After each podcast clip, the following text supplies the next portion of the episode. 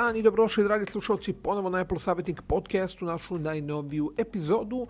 I danas pričamo o nekim predviđanjima za 2019. godinu. Kao što svi vrlo dobro znate, 2018. godina baš i nije bila najbolja godina za Apple, definitivno.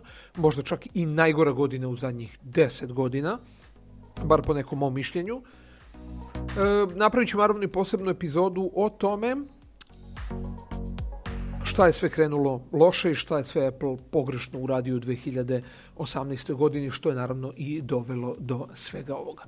Jedna vest koja se pojavila pre par dana čini mi se da Foxconn fabrika koja sklapa iPhone je otpustila skoro 50.000 radnika.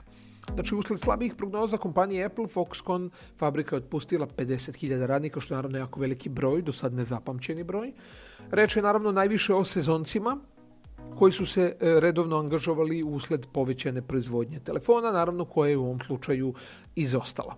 Apple je naravno i naišao na neprijatno iznenađenje kada je prodaja iPhone modela u pitanju u 2018. godini, što se naravno preliva i na 2019. usled serije loših odluka.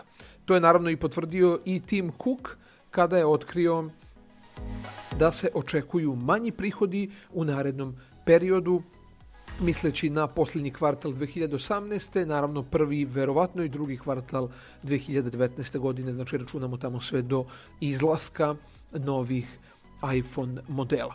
U skladu naravno sa ovim nepovoljnim prognozama došlo je i do ranijeg otkazivanja angažovanja skoro 50.000 ljudi u kompaniji Foxconn, a oni se inače skoro svake godine angažuju kako bi se u što kraćem roku postigle kvote za proizvodnju novih modela telefona.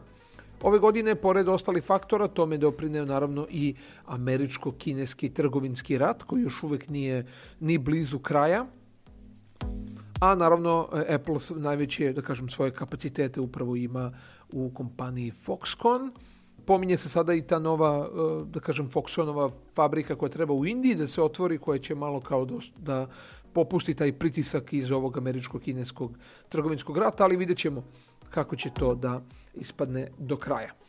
Takođe, tajvanska kompanija Foxconn je ušla i u proces restrukturiranja kako bi smanjila troškove, a rezultati ove konsolidacije će biti naravno i smanjivanja broja zaposlenih, pored proizvodnje i u menadžmentu i naravno u drugim sektorima administracije, financije i tako dalje, tako da čeka e, da kažem još otpuštanja će biti. Cilj kompanije je da se smanji broj zaposlenih za 100.000 od ukupno 1,1 milion koliko ih je bilo krajem prošle godine koji su zaposleni. Ovaj potez bi naravno pomogao kompaniji da smanji troškove za još par milijardi. Iako je Apple naravno najveći partner Foxcona, kompanija takođe sklapa proizvode i za HP, ne znam, Dell, Huawei, Amazon, Xiaomi i druge brendove. Tako da ćemo videti u 2019. godini kako će dalje ići jel, proizvodnja do septembra kada očekujemo predstavljanje novih iPhone modela. E sad kada smo već kod novih iPhone modela, već su se pojavile prve glasine, da kažem neki prototipovi, odnosno renderi prototipova, koji ukazuju na manji noć koji se javlja i naravno na drugačiji raspored kamera. Znači, serija iPhone modela za 2019. godinu je tek u test fazi naravno, što znači da nismo ni blizu nekom konačnom dizajnu i ništa nije konačno odlučeno kada su u pitanju specifikacije, što smo veoma već i navikli. A sada nam od korisnika Compare Raja, koji je bio, da kažem ovako, dosta dobar sa predviđanjima u prethodnom periodu, dolazi i prikaz prototipa iPhone 11, ako to ime bude korišćeno, vidjet ćemo a fotografije ovog modela se poklapaju sa nekim ranijim očekivanjima. iPhone 11 implementira značajno manji izrez ili ti noć u ekranu, a telefon takođe ima i nešto tanje okvire, što smo takođe očekivali, mada iskreno ova razlika se jedva primećuje, da budem iskren. Ono što dolazi kao najveća promena je naravno na poleđini uređaja, a to je naravno kamera – koja je sada smeštena u horizontalnom sistemu, u ravni sa centrom panela, što je jako interesantno, a ovaj prototip koristi sistem sa tri kamere koji prati LED blitz prsten, interesantan dizajn. Ali u ovom trenutku postoje dve verzije iPhone modela za 2019. godinu. Oni bi naravno mogli da idu sa oba dizajna, što bi bilo jako interesantno, a moglo bi E, da se desi da neki od ovih dizajna bude odbačen i da se fokusira samo na jedan model što je po meni ipak izvesnije. E sada, drugi taj dizajn prema izvorima koji stižu iz Wall Street žurnala bi premium modeli iPhone 11 koji bi dolazio sa čak tri kamere.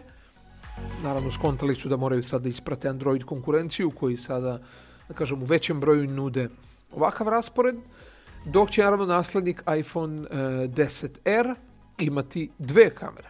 Izvešte naravno dodatno pominje i da će iPhone 10R er naslednik zadržati poboljšani Liquid retina display, opet što je jako interesantno, a da će Apple najverovatnije kompletno preći na OLED panele tek 2020.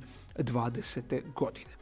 Naravno, izveštaj ne pominje specifično da li će standardna ili veća iPhone 11 verzija imati tri kamere na poleđini, naravno to još ne znamo, ukoliko se bude zvao iPhone 11, ali neka ga hrstimo tako sad. Ili će naravno ovo rešenje biti rezervisano samo za takozvane iPhone 11 Max modele. A neke glasine pominju i da bi iPhone mogao da dobije i ultra široku kameru, kao i night mod, ali ovo su za sada nagađanja. Svi znamo da Night Mode u Google Pixel kameri je zaista fenomenalan. Verovatno ste imali prilike možda da vidite na internetu. Ukucajte na YouTube-u Google Pixel Night Mode i odgledajte neki klip. Vidjet ćete zaista sjajne rezultate. Zaista ja sam oduševljen šta su uspeli da izvedu. A bilo bi dobro da dobije i ako budemo tri kamere, da dobije jedan senzor za ultra široko snimanje, kao na primer Huawei eh, Mate 20 Pro koji je, nosi titulu najboljeg telefona eh, za 2018. godinu. Eto, to bi bilo to. Znači, ukratko neka predviđanja. Pojavili su se ti prvi, da kažem, renderi. Pa sam hteo malo da prodiskutujem o tome. Ne znam kakvo je vaše mišljenje o svemu ovome. Da, boga mi, težak put čeka Apple u 2019. godini u sve ove probleme koji su, koji su se, da kažem, nekako složili u 2018. Apple će morati mnogo, mnogo da poradi da bi uspeo da, da se, da kažem, vrati i da ustane iz ovog stanja u kojoj se u kome se trenutno nalazi, ali nijedna kompanija ne bi volela da bude u ovoj poziciji, pogotovo što su oni jako dugo bili u veoma dobroj poziciji, da kažem u samom vrhu, ali serija loših stvari, loših odluka, loših političkih nekih dešavanja i Apple je sad zapao u problem iz kog mora da se vrati ukoliko misli da opstane na duže stase.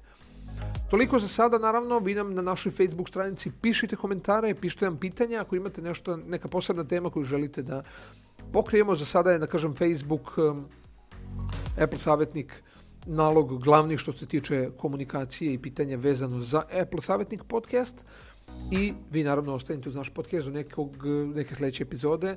Veliki pozdrav!